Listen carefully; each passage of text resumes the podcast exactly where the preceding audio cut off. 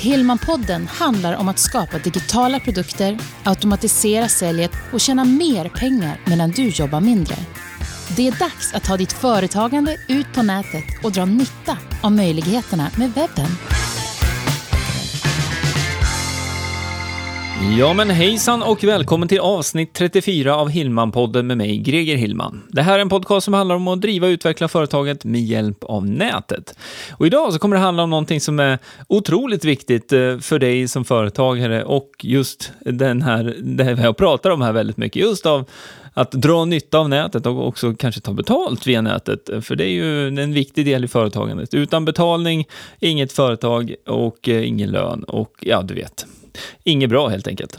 Så idag så kommer jag prata lite grann kring olika betallösningar som finns och eh, du kommer också få min rekommendation kring var du kan börja i alla fall. Det här beror ju såklart lite grann på vilken typ av verksamhet man har. Men Ehm, jag gillar eh, att ha möjligheten att också just att prova och sen så kanske byta tjänst om man inte är nöjd med, med det man får så att säga. Så att eh, jag kommer komma in på det här med just att kunna testa någonting utan att behöva knyta fast sig i långa avtal. Men innan vi går in på det så ska jag läsa upp en eh, recension som har kommit på Hillman-podden och den har kommit in via iTunes. Och eh, den säger så här, det är Thomas Tränkner som skriver. Handfasta råd, fyra stjärnor. Eh, perfekt för alla som vill komma igång med digital kommunikation. Kort och enkel och eh, ja, det är jättebra. Tack så mycket Thomas. Eh, tackar för det. Och eh, bra också att du satte ett ärligt betyg här så att det finns alltid möjlighet att förbättra och det är lite det jag gillar också med det här mediet, att man kan, man kan prova lite grann och man kan alltid förbättra sig. Så eh, dagens ämne grundar sig faktiskt i en fråga som kom in via mail. Och det var Karina Svensson som eh, mejlade in till mig egentligen angående en fråga som har eh, med Paypal att göra, som är en av de betallösningar som jag kommer att prata om här. Och eh, det hade lite mer specifikt om eh, just momsredovisning att göra, så jag kommer att gå in på det här också. Men eh, jag tycker att det är lika bra att vi tar en lite närmare titt och vi målar upp en liten, eh, liten bild här över de alternativ som finns. Och eh, då är det så att det finns ganska många aktörer som jobbar just med att hantera betalning på nätet. Ehm, du kanske känner till några av de här. Dibs är en sån tjänst. Payson är en annan sån tjänst. Klarna. Payex de fyra, det är fyra företag som ofta finns kopplade till olika typer av webbshoppar. Så om du driver en webbshop eller funderar på att, att starta en webbshop, då är det ofta någon av de betallösningarna som eh, man brukar ha eh, kopplat till till den här webbshoppen. Eh, och anledningen till att jag säger så, det, det, har också att göra med de plattformarna som man använder sig av då för att driva sin webbshop. Om du nu bygger allting själv i till exempel Wordpress, som jag jobbar mycket med, då kan man ju välja mera fritt vad man vill koppla till. Då. Ehm, men oftast brukar det vara så att eh, om du eh, går in på en färdig plattform Eh, för webbshop till exempel. Då finns de här alternativen eh, som du kan koppla på då, direkt egentligen. Och eh, när det gäller de här fyra alternativen, Dibs, Payson, Klarna och Payex, så är det ofta så att du måste teckna upp dig. Det kostar, kostar att starta upp konton också på, jag har inte hundra koll på alla de här, men jag vet att i alla fall ett par av dem, då kostar det kostar lite grann för att starta upp och man, man tecknar ett avtal på 12 månader kanske åtminstone. Då. Um, och eh, som jag var inne på inledningsvis så föredrar jag möjligheten då att dels att man ska kunna byta och om det är så att du testar eh, låt säga att du test, vill testa och sälja några saker i din verksamhet så, så är det bra att inte knyta upp sig på, på på sådana här månadskostnader, sånt som, som om det visar sig att du inte ska sälja just den varan eller produkten sen längre fram. Så det finns ju några andra alternativ också. Ehm, du kanske har sett eh, iSettle. iSettle är ju en, en tjänst som gör det möjligt att ta, ta betalt med kort, eh, men den tjänsten vänder sig nästan mera till om du är ute på till exempel en marknad eller om du har en affär och vill vill eh, kunna ta kort kortbetalning eh, då via, då kopplar man den, en liten dosa som man kan koppla till eh, sin iPad till exempel, eller ja, sin platta helt enkelt, eller sin mobiltelefon. Det går också att knappa in siffrorna om man inte har den där dosan. Eh, men ehm, ja, det är, det är några alternativ och jag vill nämna de här inledningsvis i alla fall.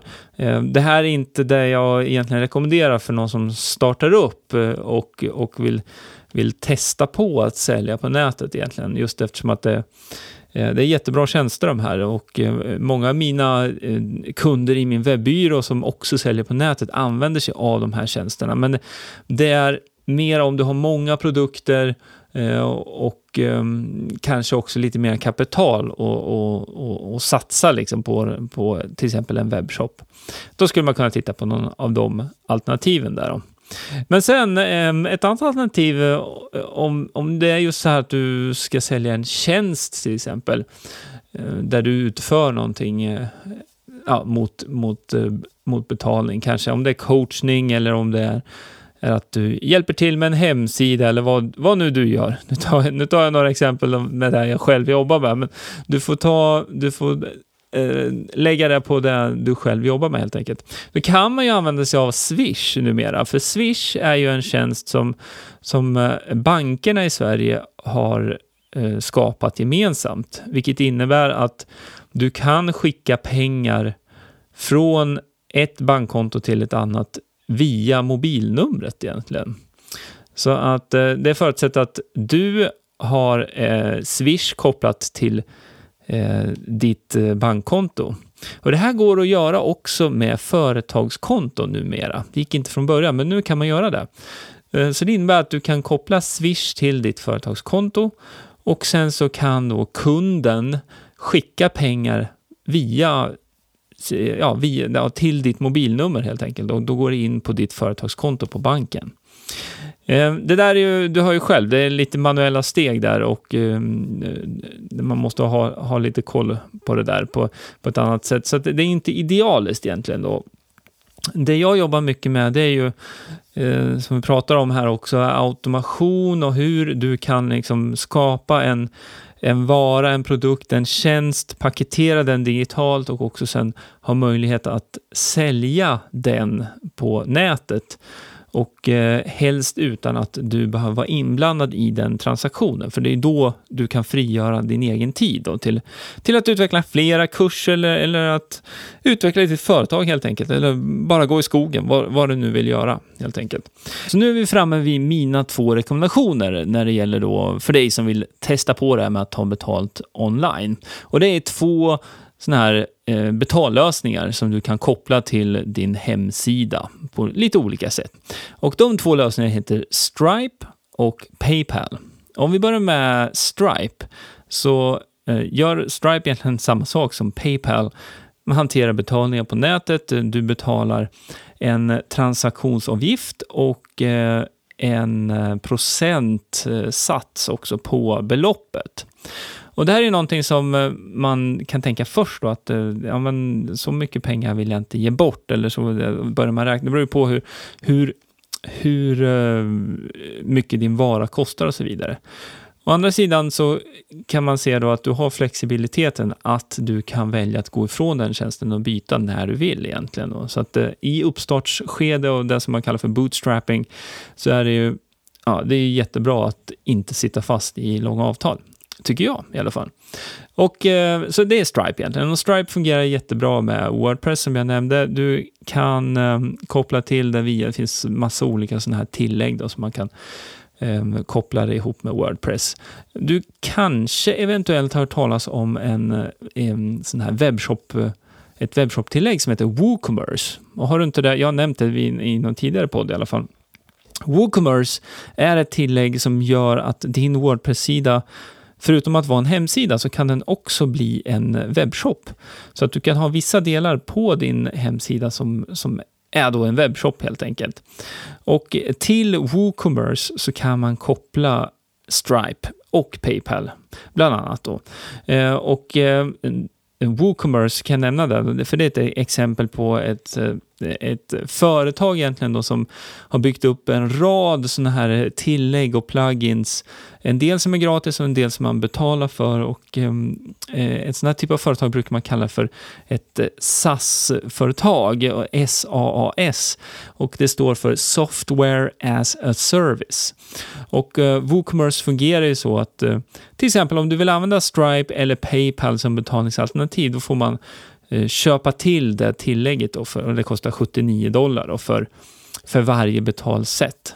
Fortfarande så sitter du inte fast i några avtal där, även om du får lägga då 750 spänn ungefär på, på att kunna använda Stripe eh, eller Paypal då via WooCommerce. Men du behöver inte betala en spänn egentligen, för om vi går över på Paypal och den lösningen, jag nämnde här tidigare också att låt säga att du har en vara eller ett par, tre varor eller tjänster som du vill sälja via din hemsida.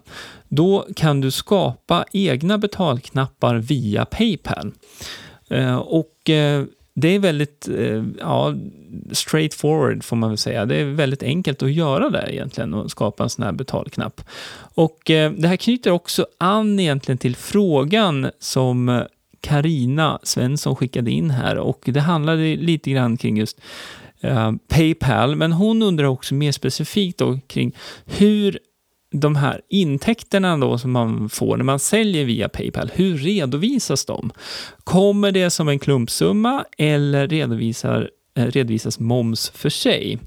Och då är det så här att i Paypal så får man ju, precis som på banken, så får man ju ett kontoutdrag så man kan titta de sakerna, på de sakerna som har hänt helt enkelt.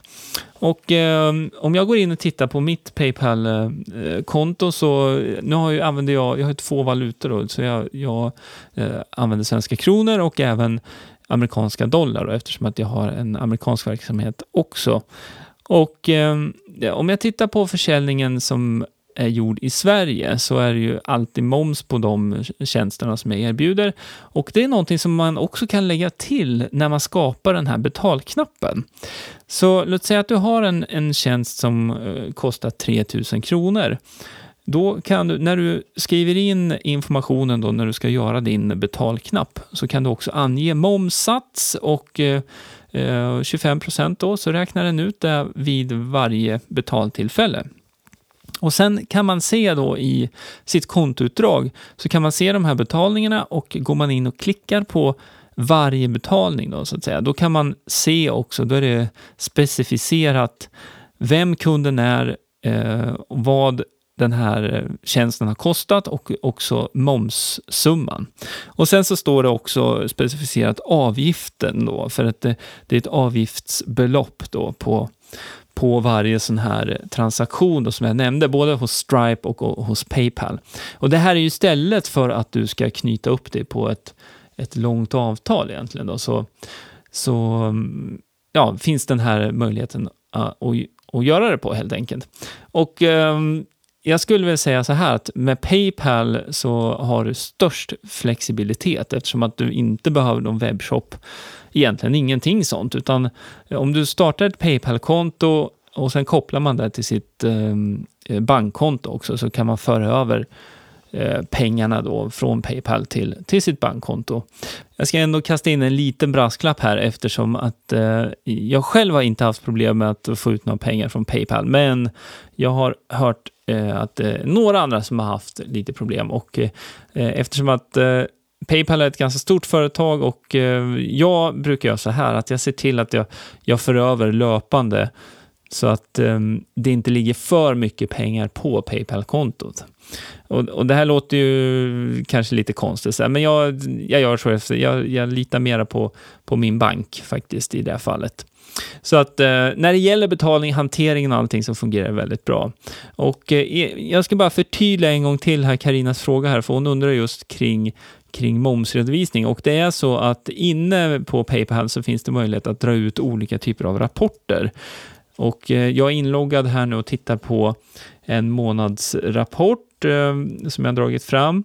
Och då är det så att det man ser, det är eh, summan då egentligen på, på betalningarna som är gjorda och sen måste man gå in och titta på respektive betalning för att få fram momsbeloppet.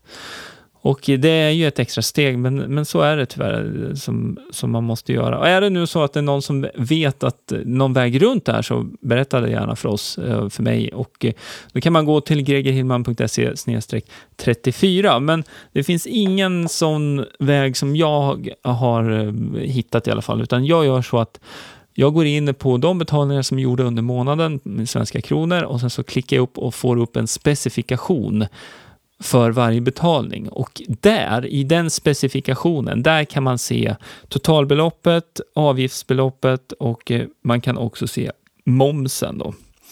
Ehm, för att i rapporterna så får man den sammanlagda summan. Så annars är man grym på huvudräkning så kan man ju, kan man ju räkna bakåt där och ta bort momsen på varje belopp om man skulle vilja det. Men för, för eh, för eh, bokföringsunderlaget så måste du ändå gå in och eh, dra ut de här specifikationerna. Då. Men återigen, det här är ju, eh, låt säga nu om du testar det här och en, någon typ av uppstartsfas eller om du har produkter som, som du kanske inte säljer jättemånga av eller tjänster varje månad, då är inte det här något större problem. Då, då är det här en, en del i i där man har i, ja, när man gör sitt bokföringsarbete. Och dessutom är det så att man inte vill göra det, då kan man göra som, som jag har gjort, då, då outsourcar man det till någon annan som går in och sköter de bitarna också. Så där, där var svaret egentligen på, på eh, frågan där också från Karina. Och bara för att summera här nu då, nu har du fått flera olika alternativ och mina två alternativ egentligen då, det är Stripe och eh, Paypal. Och det är mina rekommendationer då, om du precis eh, ska starta och testa och sälja någonting på nätet. Och eh, framförallt så är Paypal det absolut enklaste om du vill skapa bara en betalknapp och ha på din hemsida. Så jag hoppas att eh, du gillade innehållet i eh, det här poddavsnittet. Det kommer flera framöver. Du får jättegärna lämna ett eh, betyg, ett omdöme på podden på iTunes. Eh, det gör du enklast genom att gå till iTunes och sen så skriva in, eh, du måste gå under podcast och sen så skriver du in Hillman, där eller Greger Hillman, så kommer Hillman-podden upp. Eller så går du till gregerhillman.se betyg så kan du se en kort video där jag visar exakt hur det går till också. Det tar inte mer än ett par minuter, men det gör jättestor skillnad för min podcast eftersom att den kommer synas lite högre upp då när man söker på eh, ja, det jag pratar om helt enkelt inne på iTunes. Så jag tackar för den här gången och eh, påminner om att eh, det finns lite anteckningar till det här avsnittet också på hemsidan. Då går du till gregerhillman.se 34. Ha det bra så länge. Vi hörs och ses nästa gång. Hej då! Du har lyssnat på Hillmanpodden med Greger Hillman. Vill du veta mer om hur du bygger ditt företagande på webben? Gå in på hemsidan gregerhillman.se